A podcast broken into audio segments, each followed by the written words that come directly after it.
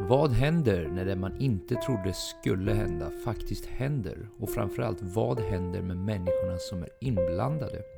Det var i ljuset av denna fråga som gruppen Crazy Pictures bestående av Albin Pettersson, Olle Tholén, Rasmus Råsmark, Hannes Krantz, Gustav Spets och Viktor Danell bestämde sig för att försöka besvara genom deras nya drama slash katastroffilm.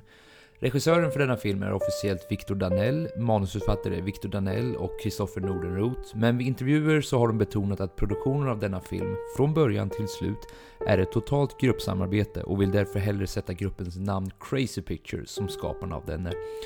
I huvudrollerna har vi bland annat Kristoffer Nordenroth som Alex, Lisa Henny som Anna, Jesper Barkselius som Björn, Pia Halvarsson som Eva och Magnus Sundberg som Conny. Filmen är 129 minuter lång, har en crowdfunded budget på 18,5 miljoner kronor och blev nominerad som bästa film i Kataloniens internationella filmfestival.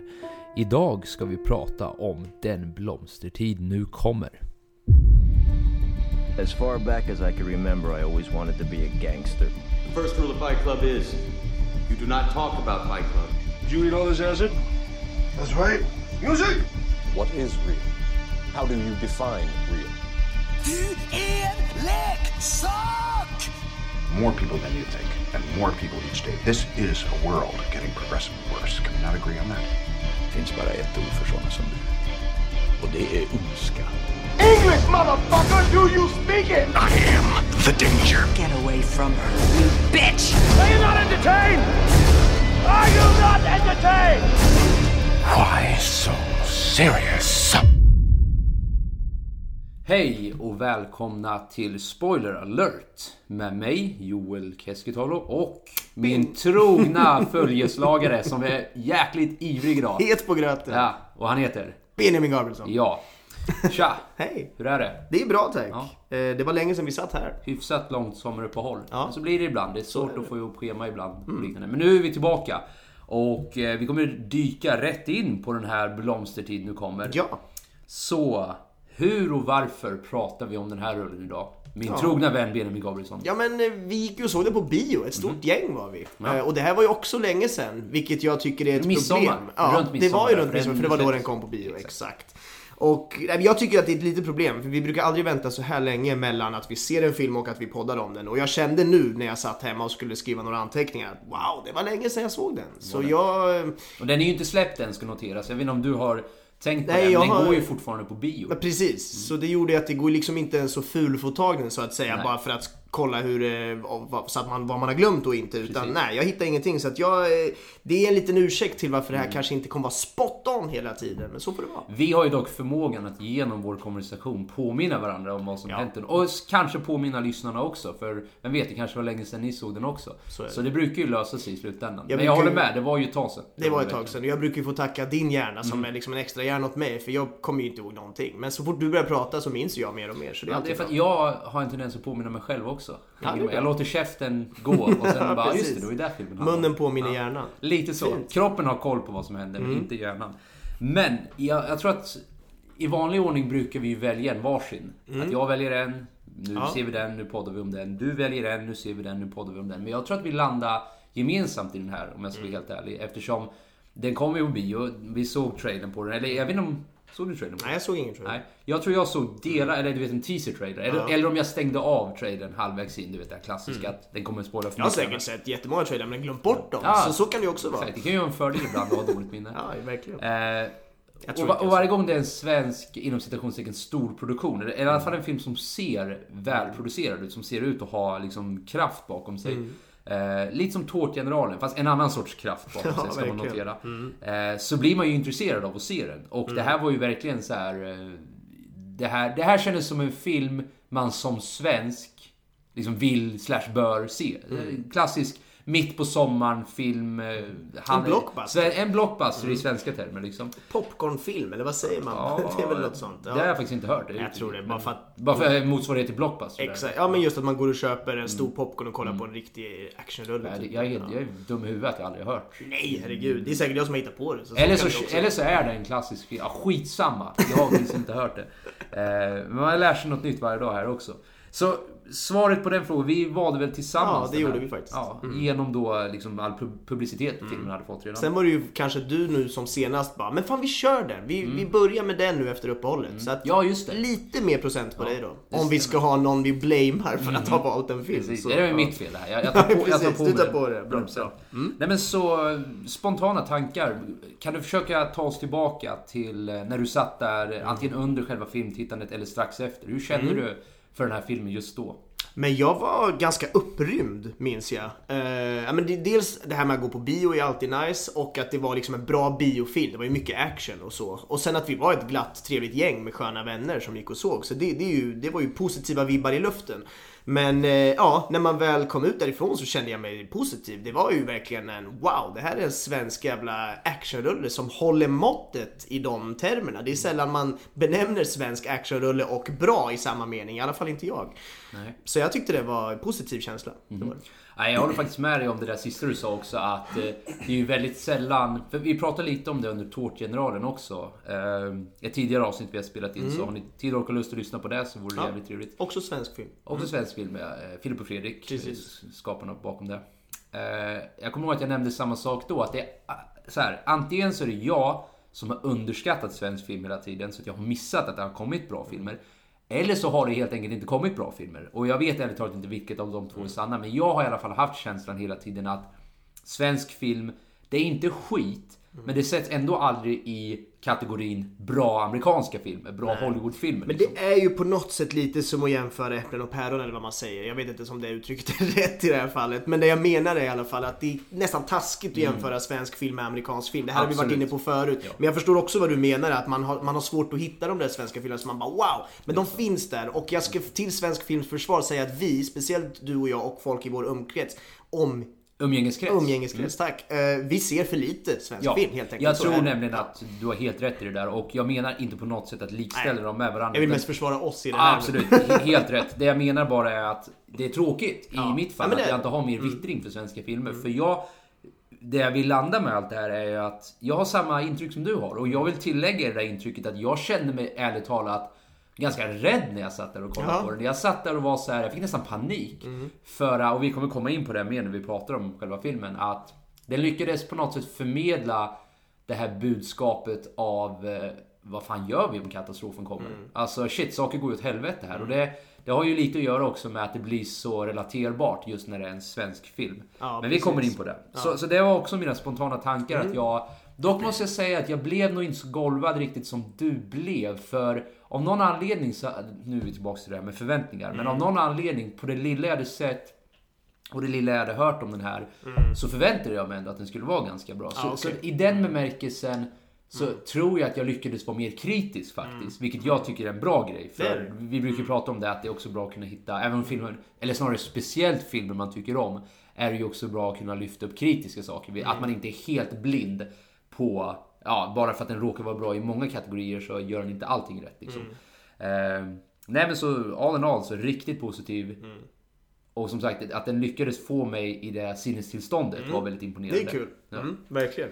Jag, eh, precis, som sagt det här var ju spontan känsla. Jag kommer komma mer in på vart jag till slut landar. Mm. Men eh, det som får mig att verkligen tycka om den är att här lyckas vi, säger jag nu, som, som svenskt folk att göra en film som faktiskt mäter sig med amerikansk action.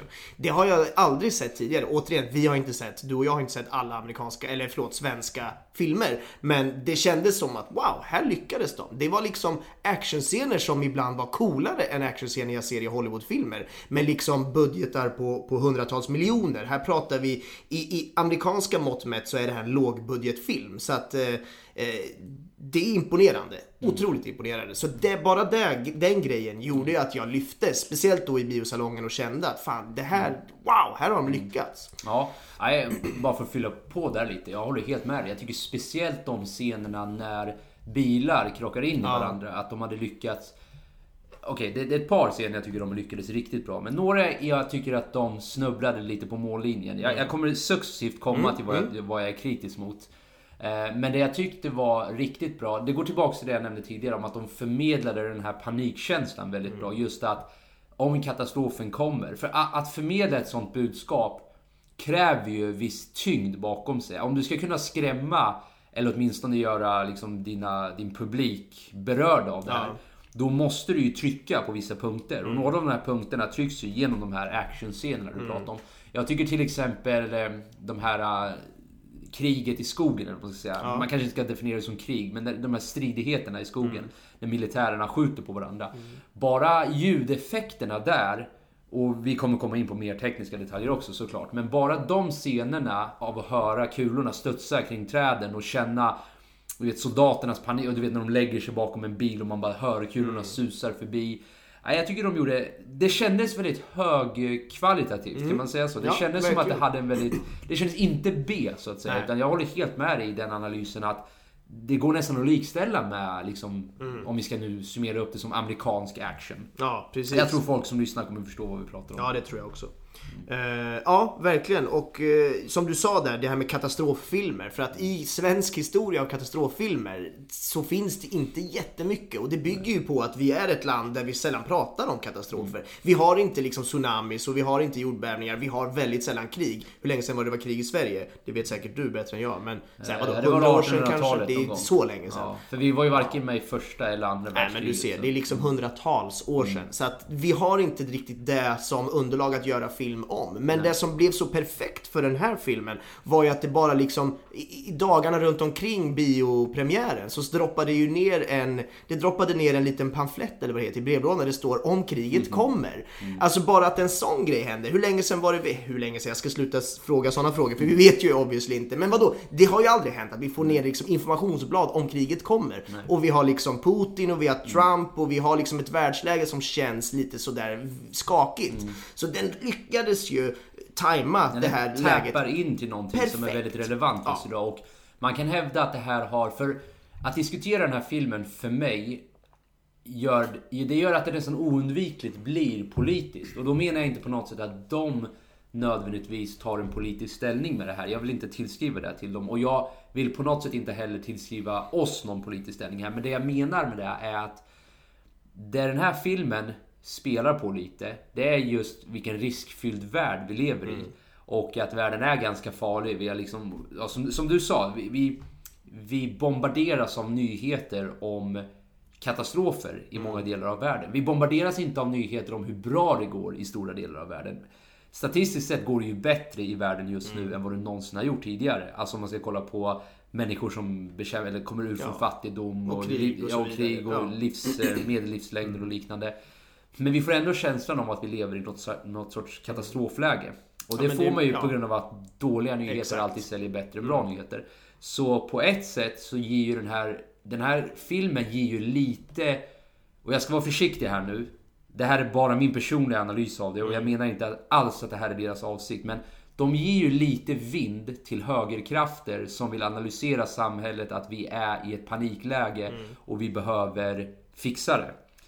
det de spelar ju inte till krafterna som säger allting går bra, liksom, Mm. Sveriges välfärd är bättre än någonsin, ekonomin går på topp och allting. Utan den spelar ju snarare till att ryssen är ett hot. Ryssen är ett hot, vi måste säkra gränserna, vi måste återinföra militär. Det är ju den sortens tankegångar jag skulle vilja hävda att den här filmen uppmuntrar till. Vad tror du, eller vad tycker du om den analysen? Jo men absolut och det var väl det man kände i hela filmen. Att Mm. det kändes sjukt relevant. Det kändes som att om ryssen kommer temat. Det fick man ju till och med spoiler nu då för att Ja. Mm. det, vi kommer säkert komma till det. Men alltså att slutscenen var ju liksom, ja det var ryssen. Det var i Så alla att- fall implicit. Ja. Ganska tydligt. Ganska men tydligt. Det, det var inte så här uttryckligen att det var ryssen. Men Nej. det var, ja det pekade väldigt Det mycket på kändes som att Ja. det var verkligen det de menade. Men det kan vara min uppfattning. Men, Mm. men ja, så att det känns som att ja, absolut. Bra iakttagelse och Mm. eh, ja. Men just det här risktänket. Att, Mm. hur, att vi lever i en värld med sådana här risker. Och vi, vi är precis granne Ja. med stora stygga ryska björnen. Precis, och det är också någonting, det pratas ju så mycket om liksom, okej ska Sverige joina NATO Mm, och så vidare precis. och vi har ju liksom inget riktigt försvar. Och det, jag tror Filip och Fredrik någon gång skojade i deras podd om att under liksom sommarveckorna när, när Sverige ligger liksom på solstolar så skulle det ta för ryssen typ 20 minuter att ta över Sverige. Skämt såklart, men det, det var de vibbarna man fick här. Att ja, om de bara trycker på rätt punkter på, på rätt ställe så, så tar man över Sverige så enkelt. Och det var väl det som gjorde att det blev läskigt, för det kändes verkligt på det sättet. Jag ska svara på det där alldeles strax för jag tycker du tar upp något riktigt intressant. Men det jag ska inflika lite snabbt också bara är att ovanpå detta har vi haft en, en av de värsta somrarna Sverige någonsin har haft när det gäller skogsbränder. Eh, alltså det, det här är ett korrekt faktabaserat påstående jag säger här. Vi, vi kan backtracka flera... Ja, men, sa Tills förut, man börjar mäta. Tills man börjar mäta temperaturskillnaderna i Sverige. Och vi har inte haft en sommar som har varit Någonsin. så här intens. När det kommer till temperatur och skogsbränder och liknande. Så allting mynnar ju ut i att och om man då lägger till hela den politiska diskussionen om Ja. migration och, Ja, och världsläget och, och världsläget allting. och allting. Så allting mynnar ju ut i det här katastrofberedskapsläget. Men frågan är då, är det så att de är så briljanta att de kände på sig att det är nu vi ska göra den här filmen och så droppar de den? Eller är det årets mest positiva för dem då slump att världsläget och allting råkade falla så perfekt in på den Ja, här det är det som är grejen. Jag vill ju inte tillskriva dem någonting de själva inte har. Nej. Alltså det här är ju bara vi som spekulerar. Precis, och grejen är att jag har också fått för mig att jag har läst att den tog liksom väldigt många år att göra. Mm. De fick ju hålla på i och med att de hade svårt med budget och så i början. Så att jag tror inte alls att det var så. Men jag, jag tror att sanningen där ligger där någonstans mittemellan. För jag tror inte, de är inte dumma. De fattar ju också hur världsläget Absolut. Mm. ligger till. Så det är ju inte så att... de- Jag tror till och med att... Och det här borde vi egentligen kanske ha koll på. Men jag har ju för mig att de i, i något sammanhang försökte ta reda på vad som händer i Sverige om en Mm. katastrof äger rum. Och att de liksom snubblade in på någonting som var för dem ganska förskräckligt. Precis. Att det var så här, vi har typ ingen plan. Mm. Eh, Och det är inte helt sant säkert. Men det var ändå, jag, jag, vill minnas att det var någonting åt det hållet som fick dem att vilja göra den här Jo men filmen. det var det. Jag Du har minns också läst något sånt. Ja. Just att de liksom, men vad skulle egentligen Ja, hända exakt. om det här hände? Och så började de skriva en film utifrån det. Så, ja. Men bara för att dra tillbaka till Ja. det du sa innan om ryssen, att de skulle trycka på precis rätt punkter. Jag tycker att det förmedlades ju väldigt snyggt i filmen också, hur de gjorde det. Mm. Eh, att, att de bombade specifika broar i Stockholm Mm. för att liksom... Eh, och vi fick inte se så mycket av de effekterna, men det kändes som att det var inte slumpmässiga platser. nej. De, de bombade ju riksdagen till slut Ja. också. Eh, Ja, var det, tog- Eller var det regeringshuset? ja, nu satte du mig på pottan. Ja, det, det var ett av de... Ja. Eh, vad heter det? Precis, men just också att de ja, men så här, tar ut all telefonnät, Mm. tar ut internet. Det är liksom de klassiska grejerna som man tar ut Exakt. om man tar över ett land. Ja, och de drog ju dessutom lite... Ja, man kan ju ifrågasätta... ja, Jag, jag kan här och nu ifrågasätta Mm. vad du tyckte om det här konceptet. För konceptet var ju det här med regnet. Mm. Att det var ett regnmoln som drev över Sverige Ja. som de på något sätt genom kemiska blandningar och lite sci-fi inblandat där. Mm. Ja. Fick då regnet att på något sätt utsöndra något sorts ämne som de förgiftade skapade... basically folk. Ja, exakt. Ja. Basically, ja, Mm. vilket gjorde att människorna fick... Eh, eh, det var väl tillfällig Ja, man blev galen på något sätt. Är man ja. tappar väl minnena? Ja, så var det väl. Men folk Ja. började ju köra runt helt galet i bilar och grejer. Ja, men jag, jag tror ju att det berodde på paniken Ja, från okej. att förlora minnena. Ja. Jag kan ha fel Ja, nu, kan vara, men jag har för mig att det var Mm. just minnes... För, för jag minns att sista scenen, eller en av de sista scenerna där på nyheterna så säger nyhetsredaktören där att... eh, Eller nyhets... Vad säger man? Ankare. Mm, hon, hon, mm. hon sitter och pratar ut till folket. Eh, säger då att hon har en liten ralja om att ja, de, de var så hänsynslösa så de tog ifrån sig... De tog ifrån oss det som betyder allra mest. Mm. Våra minnen liksom. Men tillbaka till min fråga. Vad tyckte Ja. du om det här konceptet? Regnkonceptet. Just exakt, att Ja. det var det som på något sätt var en del i deras försök att infiltrera Sverige. Ja, alltså... Det, jag det är ju ett sci-fi element. Det är ett sci-fi element och jag är ju, som vi ofta återkommer till, kluven inför sci-fi element. Jag tycker ju att det här känns som en väldigt realistisk film och där var det ju där de gick utanför den lilla bubblan kändes det som. Mm. Eh, sen har ju inte jag all fakta på vad som går och inte går att göra på riktigt. Kan man förgifta ett regn och så vidare. Det kändes som, jag lutar mer mot att jag känner, ah, kunde vi inte ha gjort det på ett annat sätt? Mm. Men jag sitter heller inte med någon briljant mastermind-lösning på hur man hade gjort det. Den klassiska tanken som slår mig direkt är ju att man kanske gör en sån här som i Batman där de förgiftar vattnet som man dricker istället. Eh, det kanske känns som en snudd på lite mer realistisk plan men också krångligt att utföra och kanske ännu svårare att visa på film. Så äh, jag vet inte. Jag, jag, jag, tycker, jag älskar inte regnkonceptet men jag har heller ingen bra lösning på hur man skulle kunna gjort annat. Du rör på någonting annat där som vi skulle kunna föra diskussionen till också. För, det, för där i kommer lite av min kritik på Ja. filmen också. Att den är å ena sidan så realistisk och därför så relaterbar att man Mm. älskar den. För det är ju filmer där man verkligen kan sätta in sig själv och sen se man kan relatera till omgivningen också de här karaktärerna befinner sig i. Allt ifrån hur personerna alltså hur de äldre reagerar till exempel, hur de yngre reagerar, hur, hur de reagerar tillsammans i en grupp också. Allting där är briljant. Men att då, att å ena sidan få med de grejerna i ett väldigt realist, på ett väldigt realistiskt plan gör ju att man löper risken att spräcka den bubblan om man då drar lite för tunga växlar. Till exempel det här med regnet. Så jag kommer ställa ännu en fråga till dig. I och med att de ändå var väldigt bra med det här med realistiska, var det För där för mig sprack bubblan lite. Mm. Att de gick inte, de snubblade lite på mållinjen enligt mig. Och jag kommer ta upp lite specifika Mm. saker jag hade problem med. Men vad, hur känner du för det? Nej men jag är ju inne på samma spår. För mig kanske inte, eller jo det är ju där det landar i lite grann det här med det realistiska och vad som är realistiskt och orealistiskt. Vi har ju pratat om det förut att man måste alltid utgå ifrån filmens egna universum. Vad har de målat upp för regler? Hade det varit en sci-fi värld där drakar är okej så är det okej med drakar. Nu är det Så inte det de här. är konsekventa sen när de har byggt upp sin Exakt, värld. och det är det där Här failar ju lite Game of Thrones. Ett annat avsnitt. Så är det, det är ett helt annat avsnitt. Men absolut, det är det där konsekvenstänket, eller det konsekventa tänket som måste finnas. Eh, och, och det kanske finns, men jag kände också att de tappade det ibland. Nu var det lite för länge sedan jag såg den återigen, så jag kan inte komma med några konkreta exempel. Men jag vet att du har några, så jag spinner gärna vidare mer på dem. Det var lite länge sedan för mig här också, så jag minns inte specifika... Jag kan inte peka på en specifik scen, tror Nej. jag, och säga att här sprack det lite. Utan det jag snarare tyckte var lite... Det, det blev lite, om jag ska vara helt ärlig, löjligt i slutet. Jag tyckte att det blev lite för många såna här klassiska sammanträffanden. Att i all den här skiten så lyckas de två ändå på något sätt hitta varandra. Och det var många såna där scener där jag bara skakade på huvudet. Och anledningen till varför, alltså så här. Jag tycker inte det per se är någonting dåligt. Alltså jag, jag tycker man, man, det är en film trots allt och man, man ska få lite utrymme att göra såna här otroliga Ja men det här skulle bara inte ha hänt i verkligheten. I, I någon mening är jag ändå okej med det. Men det som gjorde det tråkigt för min del var att jag tyckte att de träffade så mycket rätt på så mycket innan det. Att, att då lämna den, jag vill inte säga perfektion, men åtminstone där de försökte bygga. Till att det skulle bli såna här tillfälligheter som... Det bara händer inte. Alltså det händer inte, de här grejerna som händer.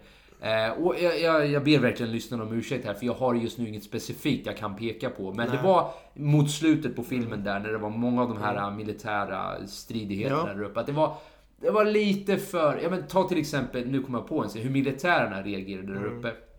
Det känns där som att... Ja, jag vill inte tro att det är så det där skulle ha hänt riktigt. Att det inte finns något protokoll på hur man bemöter den här situationen. Att folk blir... Ja, som, som Sami faktiskt sa efter att when shit hits the fan så är det familjen alla prioriterar. Sure, det kanske är en realistisk reaktion i någon mening. Men jag tyckte ändå att där skenar det lite. Maker det sense någonting Ja av det jag absolut, säger? men jag är inne på samma sak och det, jag har inte heller exempel på exakt från filmen men det jag känner som helhet är att den fallerar, det är precis det jag tänker, den fallerar lite på att den nästan vill för mycket av båda delarna. Ursäkta, den vill både vara en liksom skittuff och cool actionrulle samtidigt som den ska vara lite smal, svår och nästan melankolisk stundtals eh, eh, så film också. Och det är de två världarna jag tycker det kan funka bra ihop. Men här blev det som att vi fick två olika sådana filmer som skulle blandas på något sätt. Och det, på något sätt kan jag nästan känna att det är det där kanske svenska, det nordiska sättet att göra film på. Det här lite mörkare, svårare, melankoli, mycket pianomusik. Det i all ära är ju fantastiskt, eh, verkligen. Men då måste det funka bra som helhet. Här tyckte jag inte det gjorde det. Här blev det liksom, oj nu är det jättemycket skitgalen action, oj nu är det jättemycket lugn, fin melankoli. Och de, jag tyckte, istället för att de gick ihop i en perfekt symbios så tyckte jag att de krockade med varandra. Och det var väl lite det jag störde mig på tror jag. Det, jag tycker det där är en riktigt bra analys av det faktiskt. För om man tänker på hur filmen började, att det var en väldigt lång, Jättelång. väldigt Ja. seg. Typ en timme innan det Ja, drog igång. säkert. Ja. Och jag vill inte säga seg nu i en dålig bemärkelse, utan du vet ju hur mycket Ja, vi båda gillar det här långa, sega och utdragna. Better Call Saul är en av de bästa serier som finns just nu. Och där händer ju praktiskt taget ingenting. Där händer så ju praktiskt taget ingenting. Men Ja. Mm. i det där ingentinget så händer det ändå så Precis. mycket. Bara för att man väljer att man verkligen fokuserar på detaljer som man sen inte är... Man skäms inte av att baka ut det här under Mm. en lång... Ja, i Better Call Saul så är det långa säsonger. Men i en film kan det vara bara många Mm. Precis. minuter liksom. För om man tänker på, om vi nu ska, vi bara lite snabbt segwayar till Mm. vad som var bra med den då. Om vi nu ska dela upp det på det här sättet du gjorde. Jag tycker det är en bra uppdelning just Mm. att se det som två filmer lite. Eh, som inte var i en symbios. För om man Mm. tänker på början och tonen man satte där. Då var det ju väldigt långsamt, det var väldigt så här. Väldigt känslomässigt, det var väldigt relationsbaserat. Det var väldigt så här, väldigt intimt på något sätt. Man fick verkligen följa med han Alex. Ja. I, det var ju hans barndom. Det var Ja, liksom, precis, vad var det, barndom. 12 år tidigare än Precis, än sen, själva liksom. händelserna Ja. hände. Eh, och... Eh, brill, alltså hur bra som helst. Man, man, man blir tårögd just, även om ens egna föräldrar inte har betett sig så där så det är ju någonting med att det är svenskt också. Man kan ju lätt läsa in sig själv i den sitsen. Men det kändes ju som någon polares föräldrar Precis, eller någonting. Det var, man var där på något Och sätt. delar av vad som har hänt en själv också. Alltså Ja. återigen, det, det var ju inte... Jag vill inte på något sätt Du har säga... inte den uppväxten. Nej, nej, nej, absolut inte. Men jag Nej. tendenser. Absolut. Man ser liksom Ja. att det där är rimligt i någon mening. Det där är en jävligt bra tolkning på Mm. En förälder, en pappa i det här fallet, Björn, som säkert inte har haft en lätt uppväxt Mm. själv. Och som gör sitt bästa för att uppfostra sin son bättre än vad hans pappa uppfostrade honom. Mm. Men på grund av hans egna, hans pappas då begränsningar så blir han också begränsad. Jag tycker det bästa exemplet här är när han ska ge honom en gitarr i eh, Mm. julklapp. För då har han tidigare avfärdat hela idén om att Mm. det kommer vara för dyrt, det ska inte bli någonting. Och han kan inte riktigt uttrycka känslor i eh, ord. Så vad pappan gör, och jag tycker det här är, alltså jag får nästan gåshud när jag tänker på det. det. Han spenderar ju flera veckor med att göra en egen gitarr till Mm. honom. Och det är hans sätt att säga att jo, jag älskar dig verkligen, Mm. men jag kan inte säga det i ord så jag gör det genom att ge dig det du allra helst vill ha. Men så ger mamma han en gitarr istället och då har ju hon spenderat pengar på det. Och det blir så fel där för då snear ju farsan ur fullständigt. Och han visar ju inte ens den där gitarren för honom utan han slår ju sönder den, gör han inte det? ja, precis. Han gör det? Mm. Ja. Det så, det. Ja. Min poäng med hela den här algen är att det där bygger de upp. Mm. Där sätter de tonen på vad filmen kommer, ungefär hur filmen kommer fortleda. Mm. Och det är där som du sa väldigt briljant tycker jag att de, den delen av filmen hamnar liksom inte i symbios med den här actiondelen av filmen. Som fortfarande är bra på väldigt många sätt. Men jag känner som du sa inte att de här två fusar Nej. på ett sätt som funkar. Nej, precis. Och det, det, för mig är det Förlåt, också- vänta. Jag Ja. måste bara, det funkar gör det, absolut. Jag, det gör inte att det blir dåligt. Det är bara det att jag, jag går tillbaks till hur jag sa det förut. Att de snubblar på mållinjen. Ja, jo men helt rätt. Och det, det jag känner är att det funkar att blanda liksom djup och nära relationer, melankoli om man så vill, med rå action. Det funkar. Men då tycker jag inte att det kan bli liksom den här Hollywood action där det liksom är punchlines och det är sköna, du vet, classic, classic liksom action guy kommentarer och, och, och bara scener som kändes sådär eh, ja, men väldigt stereotypa utifrån vad man har sett förut, speciellt då i Hollywoodfilm. Och det är en annan typ av film, så jag tyckte inte att de fick perfekt samklang ihop Nej. som jag hade velat. Nej, precis. Nej, för tar man dem var för sig, som vi började med tidigare, så är ju bägge, om man nu ska dela upp dem i varsin film, så funkar ju, båda är ju riktigt bra. Liksom. De får ju med väldigt mycket bra saker i båda. Men jag håller faktiskt med dig om att glappet däremellan, det blir lite för... Ja, det blir lite för stort det där glappet. Och här är det ju vi som nitpickar om man ska vara helt Ja, så är det Man ska ju också Absolut. notera att det är ju riktigt gripande. Speciellt när man Mm. sitter där. Men bara det faktumet att... Nej, men jag, jag står fast vid det här med att de vaggar in oss i en viss ton Mm. som jag trivs väldigt bra i och som får mig att tro att det här är, liksom det är det här spåret vi går i den här Mm. filmen. Och som du sa tidigare, man kan fortfarande hålla det spåret Mm. och ha bra action som kompenserar det. Eller som, som funkar i det spåret. Jag tycker till exempel District 9 funkar väldigt bra där. att Trots att det är action där så har de fortfarande samma ton. De, har, de har liksom, där har vi en fusion mellan den... Det, för det är, den actionen går ju lite åt Hollywood action-hållet. Men det går inte så till den graden att det är de här klassiska punchline, du vet, stereotyperna. Som, Utan de håller den identiteten som filmen har haft från början. Här tycker jag att den ändrade lite identitet där i slutet. Ja, jag håller helt med. Eh, ska vi röra oss vidare mot de tekniska detaljerna? Det tycker jag. Lite mer ljud, lite mer ljus, lite mer eh, Ja, men skådespel diverse kanske. skådespel. Vill du börja? Har du någon Nej, men jag tycker ju att de eh, Crazy Pictures-gänget som har gjort den här filmen, jag tycker att de alltid, ska jag inte säga, men väldigt, väldigt ofta i de YouTube-grejerna de har gjort så tycker jag att de har svinbra acting. Speciellt de här två som, som spelar två stora huvudroller här. Vad heter de? Har du... Victor Danell och Kristoffer Nordenroth kanske? Det Ja, de precis. Nordenroth, exakt. De är ju svinduktiga och, och jag tycker det märks här också. Och även de andra som är med. Jag tycker det är en fantastiskt bra cast de har fått ihop. Så det, Mm. Det, det, det gillade jag. Det var kul att se. Ehm, ja, tänker du på någonting där? Ja, alltså det, det finns ju... Alltså jag vill gå tillbaka till det jag sa tidigare. Det här med att de lyckas vagga in... Alltså när, när jag satt där, jag hade stundtals nästan panik. Över hur bra de lyckades förmedla den här panikkänslan. Och det är ju en kombination av hur de har valt att klippa filmerna. Jag tycker till exempel när bilar kör på varandra. Jag vet inte om du också gjorde det, men jag hoppar ju till på. För ena stunden sitter hon i sin bil och hon håller på och knappar med någonting. Och så blir hon helt plötsligt bara påkörd bakifrån. Och så kommer det en till bil. Och så liksom en bil som du vet åker ner för bron och riksdagshus eller om det är regeringshus eh, sprängs där i bakgrunden. Alltså, Det där såg väldigt realistiskt ut. Det, det, var liksom, det var inget där man bara kom igen det här, det här är bullshit. Utan, och, där, och att det spöregnade samtidigt. Så Briljant att just ha med spöregn. För det gör att allting blir ännu mer otydligt. Man, liksom, man ser inte riktigt, alltså rent fysiskt så ser man inte så långt fram. Men ovanpå allt det här så vet man att någonting är på tok.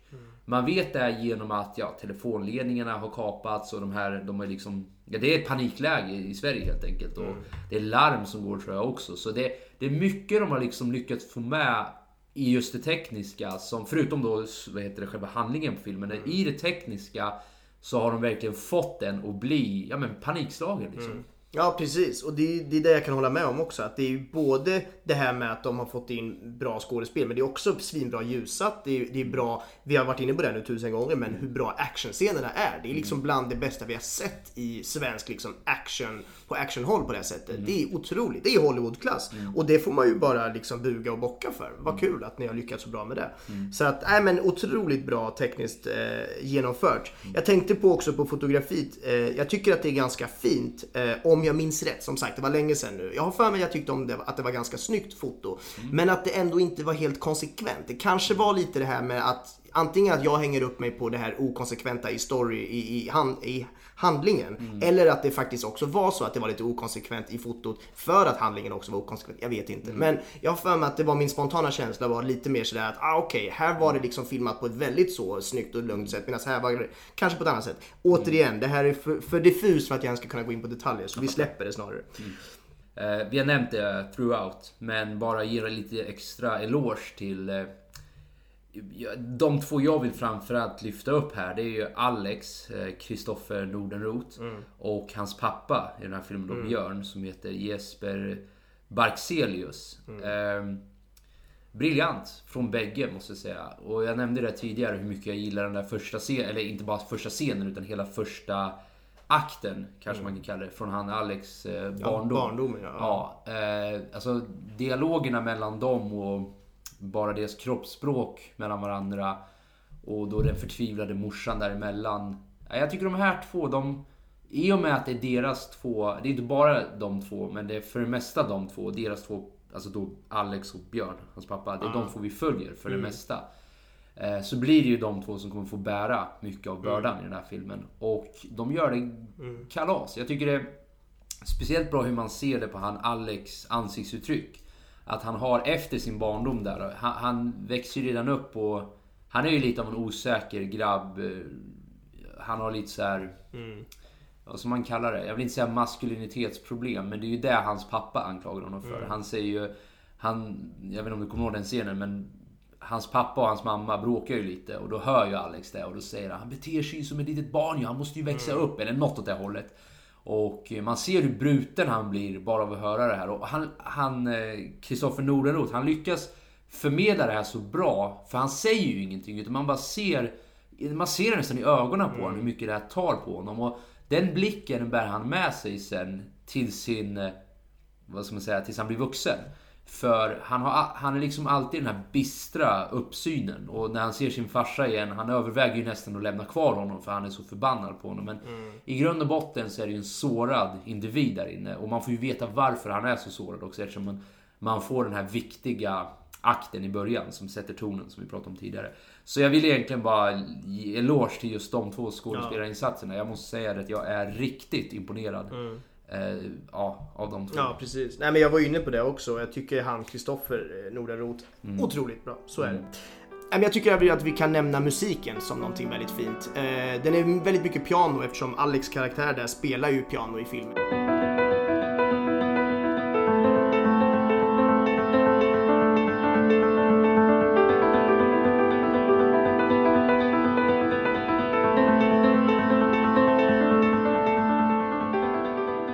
Gustav Spets som har skrivit all musik i hela filmen och det är ja, otroligt fint och bra jobbat. Ja, alltså det är precis som du säger att det är lite segt på ett sätt att vi valde just den här filmen, eller jag valde just Ja, den men det är för filmen. länge sedan vi såg den. För, för Ja. det känns som att i vissa delar gör vi den inte riktigt rättvisa. Nej, nu exakt. nämner vi bara, det kanske är värt att nämna musiken. Mm. Jag, jag tror att musiken hade en mycket större del än vad vi ger en rättvisa Absolut. här nu. För nu när du säger det kommer jag också ihåg att det var väldigt bra musik rakt igenom. Och jag älskar ju piano generellt. Jag är en sucker för eh, pianomusik. Jag lyssnar inte mycket på pianomusik. Jag undrar varför om jag ska vara helt ärlig. Jag har bara inte gjort det. Men varje gång jag hör pianomusik brukar jag tycka om det väldigt mycket. Men vi, jag tycker vi rundar av eh, de tekniska detaljerna Ja. nu och vi rör oss mot eh, ja, men någon sorts summering. Mm. Jag tycker ju den här filmen den är väldigt bra. Det är väldigt härligt att se en svensk produktion spänna musklerna på det här sättet och få med eh, både den här känslan av ja, men den här riskmedvetenheten många går runt med i världen om att det är en riskfylld värld vi lever i och det finns mycket faror och liknande. Och att de kanske spelar lite på det omedvetet eller medvetet. Lik förbannat tycker jag att de täpar in till någonting som är väldigt relevant just nu. Eh, väldigt relaterbar, inte bara för att det är svenskar i Sverige som pratar svenska. Utan också situationsmässigt. Det är många situationer man verkligen kan relatera till. Där den snubblar på mållinjen lite för mig och lite för dig också låter det som är att den inte riktigt enligt oss då är konsekvent med vad den bygger upp i början mot hur den sen slutar. Mm. Nej men eh, jag kan inte annat än instämma. Jag kommer inte ens att försöka återupprepa något Var det en bra summering? Det är en jättebra summering. Det jag kan flika in är väl att jag blir ju alltid skadad av någon slags yttre aspekter. Jag sitter ju alltid och tänker, okej vad, har vi, vad har vi för spelplan? Vart rör vi oss? Okej, det här är en svensk film som har en ganska standard budget, 18,5 miljoner om jag inte minns fel. stämmer. Eh, det är ganska standard budget, men att de har lyckats åstadkommit det här i actionväg som alltså jag absolut mäter med amerikanska filmer med liksom hundratals miljoner med budget så tycker jag att det är otroligt. Jag vill bara ställa mig upp och applådera. Mm. Men that aside så kommer jag ändå landa i att filmen som helhet flyger inte 100% för mig. Allt det här vi varit inne på och ja, så det gör ju att jag ändå så här, ja men den är okej. Men om jag då ska så här, lite, vara lite schysst, då säger jag ju, jag tycker den är svinbra om man ska jämföra den med liksom amerikansk film med den budgeten. Men för att jag bara ska säga vad jag ärligt talat tycker om filmen så är den okej. Ja men det tycker jag låter bra. Min favoritscen i hela filmen är den här scenen när farsan då vill ge honom den här gitarren. För återigen, jag gillar ju den här, den här äh, första akten mer än vad jag gör... Ja, återigen, resten av filmen är bra på alla sätt och vis. Men jag, tycker väldigt mycket om den tonen som den här första akten under hans barndom har. Och... Eh, Nej, och, och det är ju det som är hans, om man nu ska använda det begreppet, cornerstone kan man ju nästan säga. Alltså Alex cornerstone. Det är ju ett traumatiskt barndomsminne som sen formar en stor del av hans identitet. Cornerstone är för övrigt en Westworld-referens för de som inte hängde med. Eh, Det handlar om vad, att under en traumatisk händelse i ditt liv bygger du upp din identitet kring sen. I princip det jag nyss sa. Exakt. Eh, och eh, ja, det är väldigt relevant just för hans utveckling sen och väldigt bra gjord också. Och det säger väldigt mycket om dels Björn, om hans barndom då, hans farsa och han, vad, vad det han kanske har varit med om. Men det säger framförallt mycket mer om hur Alex tar det där sen. Så jag, jag tycker den scenen, just den scenen då på julafton där, när han får en gitarr av sin mamma och man ser pappans ja, men, utbrott helt enkelt. Så det är min favoritscen. Ja, härligt. Jag har ju efter denna fina lilla sommarbreak nästan glömt bort, eller nästan, jag har helt glömt bort att välja ut en favoritscen. Också för att det var så länge sedan jag såg film och jag fick inte tag på filmen nu innan så jag har liksom inte kunnat, alltså innan podden. Så jag kunde inte scrolla igenom och hitta vad jag faktiskt tyckte som favoritscen. Så att jag får ju nästan istället då vända mig, bara för att vi ska få något kul att prata om just här då, så vänder jag mig nästan mot dig istället då. För min spontana känsla av den där pappascenen var att jag jag köpte inte riktigt pappans aggression. Eller jag tyckte att den kom från ingenstans. Han exploderade ju av ingenting. Och det kände jag nästan kände så här, ja, men om ni ändå lägger en timme på att vi ska få, få den här fina liksom djupa insikten i deras vanliga privatliv och hans barndom, då, Alex barndom. Så kunde vi väl ändå ha lagt lite mer på att bygga upp varför han skulle bli så arg på just det där. För just därför blev jag blev nästan, du vet så att jag började skratta i salongen för det kändes påklistrat att han bara nu är jag arg för det här, nu ska jag vara arg i en film. Och så fick jag känslan, vilket helt bryter mot vad du precis har suttit och sagt. Så det är ju tråkigt på ett sätt, men vi är inte alltid överens. Nej, men det, det, roligare när vi inte är överens. Ja. Då finns det alltid någonting att prata om. Vi ska inte gå in på en djupare diskussion om just det här nu. Men Nej. anledningen till varför jag tycker det är för att vi har ju sett små hints hela tiden Mm. av den här aggressionen. Alltså han, han fräser ganska mycket åt Mm. Ja, är sant. mamman. Ja. Och han är väldigt hård i sin allmänna liksom, uppsyn. Och Mm. Det kan också ha lite att göra med mina egna, vad jag tillskriver honom. För Mm. jag vet ju att min pappa har haft en väldigt hård uppväxt. Mm. Och haft en ganska, utan att gå in på för mycket detaljer, en ganska elak eller elak är inte ett rätt ord. Hård. Alltså det var mycket hårdare Mm. Ja, men tid. gammaldags Liksom. Gammaldags, uppväxt, precis. En väldigt hård uppväxt. Ja. Och eh, det kan nog vara därför jag kanske läser in att Mm. jag, jag liksom tillskriver den här Björn mer av hans bakgrund än vad filmen kanske egentligen har tillskrivit Mm. oss. Så det kan mycket väl vara där vi skiljer oss. För jag tycker ju att reaktionen är realistisk. Ja. Mm. Och jag, jag gillar ju reaktionen väldigt mycket. Men jag tycker ändå det är kul att du, du ställer in motsättningar. Ja, liksom. får vi får ta och se om filmen och se om vi omvärderar respektive Det får vi göra, tes. verkligen. Men vi Ja. tänkte runda av den här filmen då med ett nytt segment som vi introducerar idag. Och eh, jag vet inte om segment är riktigt rätt ord, men vi tänkte avsluta varje avsnitt med lite fun facts Mm. om filmen. Ehm, Jättekul Ja. ja. Jag kan börja. Eh, en liten fun fact som är kul, kanske mest för dig och mig, även för de som var på min fest och känner Nina och 25-årsfest. Arvin. Ja, min 25-årsfest. Vet att min kompis Nina har en kille som också är min kompis som heter Arvin Kananian. Han är med i den här filmen, en liten snabbis. Det är han som spelar en snubbe på en bar eller restaurang och står där och håller på. Är, ja, men är han typ producent eller han fixar väl någonting? Du ser, jag minns ju knappt för att det var så länge sedan. ja, men- eh, han har ju, om jag minns rätt, så har han någon sorts bokning eller någonting Ja, åt den här precis. Alex. Och Alex är ju helt avstängd till det. Ja men det är kanske att han ska spela på hans klubb Nå- ja, eller något någonting sånt. att göra, Ja, han klubbägare Ja, kanske han är då. Ja. Men det är en liten, liten roll och det var väldigt kul bara för jag hade ingen aning om det nämligen. Så att jag satt i biosalongen så bara ah, ah, Jag, jag, hör, jag hörde till och med din reaktion och Ja. jag förstod inte vad var du reagerade åt först. Det var ju efter när du sa till mig, för jag... Jag pratar ju inte med han, alltså jag känner ju inte han Nej. så som du gör såklart. Jag pratade ju med han under den kvällen men det var inte förrän efter. Ah okej Mm. Det var just det, det var ju han ja precis. Så det var inte, jag fick inte riktigt samma reaktion Nej, som dig. Men det var, ja absolut, var kul. rolig fakta. Ja. har du något mer? Ehm, ja men kör en du så kör vi varannan då. Ja, vi kan ju ta att han Jesper Barke, Barkselius, eh, det vill säga pappa Björn. Mm. Han gjorde alla sina stunts på egen hand. Och han flög den här helikoptern på egen Ja, hand också. otroligt. Mm. Vilket är ganska otroligt ärligt talat. Han måste ju då alltså tagit helikopter, eller om han redan hade Ja. helikopterkörkort. Men, Var det eh, helikopter eller var det flygplan? Jag minns Ja, inte. var en heli- Det var en helikopter, ja. Jag minns bara att han flög Ja, någonting. jag har också för mig att det var en helikopter i alla fall. Ja, ja. nu blir jag Flygdon. Lite... Var det ett flyg kanske? Vi säger? Det var nog ett flygplan. Det är litet ett, kanske ett flygplan. ja. Eh, Men som sagt, jag har dåligt minne så jag, jag, jag är inte säker. Det har jag också det Skitsamma, han Ja. flög en maskin som är Det otroligt svår att flyga. Eh, Låt mig bara slinka in en till medan jag Ja. har det här. Att Kristoffer också, Kristoffer Nordenroth. För att kunna spela sitt yngre jag. Mm.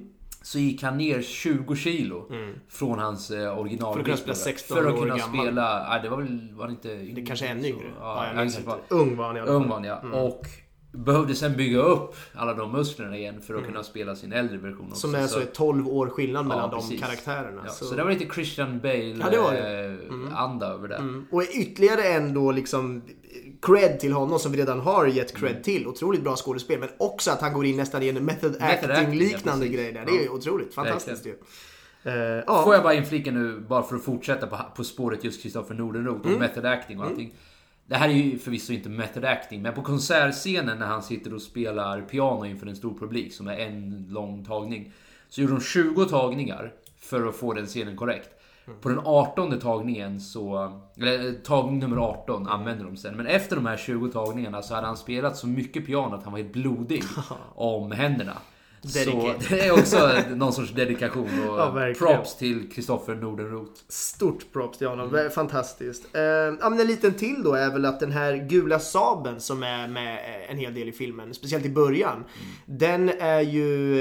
eh, När de skulle spela in den actionscenen så var det den första actionscenen de skulle spela in i hela den här inspelningen. Mm. Eh, och då var fotografen väldigt, väldigt nervös och eh, ja, han tänkte på allt och var så himla nervös så att han tyvärr då glömde trycka på rec när de väl ska spela in den ganska påkostade actionscenen. Så att det var ju en riktig sån tabbe som är de skrattar ju säkert åt det idag, men det måste ha varit hemskt då när det hände. Eh, och tittar man noga i filmen så ser man även att i den scenen som faktiskt är med i filmen så är Saben redan krockad. Det syns ju väldigt fort så man måste vara med på det. Men att de var då tvungna att göra om det. Så att, ja, det är en liten fun fact. Ehm, ja men en grej till. Med budgeten? Och, ja precis, att den är ju faktiskt Kickstarter-kampanj, en crowdfunded film från början. Eh, vilket är ju... Vad har vi på crowdfunding? Vad har vi på crowd? Det är, kanske du kan... Ja men... Ja, men det är som ni hör på namnet, crowdfunding. Det här handlar alltså om att du ber i någon, på något sätt så ber du eh, människor, the crowd. du ber ofta internet, kan ja, man du väl sammanfatta internet. Ja, du Ja. använder internet som ett medium på, för att samla in pengar från människor som skulle kunna tänka sig vara intresserade. Precis. Du säljer in en Vanligtvis pitch. får du en Ja. lit, exakt, du säljer in en pitch till personer som skulle kunna vara intresserade.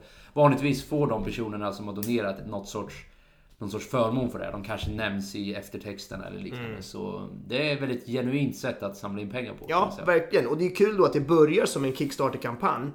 Och är liksom, då förväntar man ju sig en ganska liten budget och en väldigt liten budget. Men de landar ju till slut på 18,5 miljoner kronor, vilket är liksom en standard högbudgetfilm i Sverige. Eh, så det är ju skitkul. All, all creds. Kul. Ja. Och med det så säger vi tack för eh, det här avsnittet av Spoiler alert. Vi hörs nästa vecka.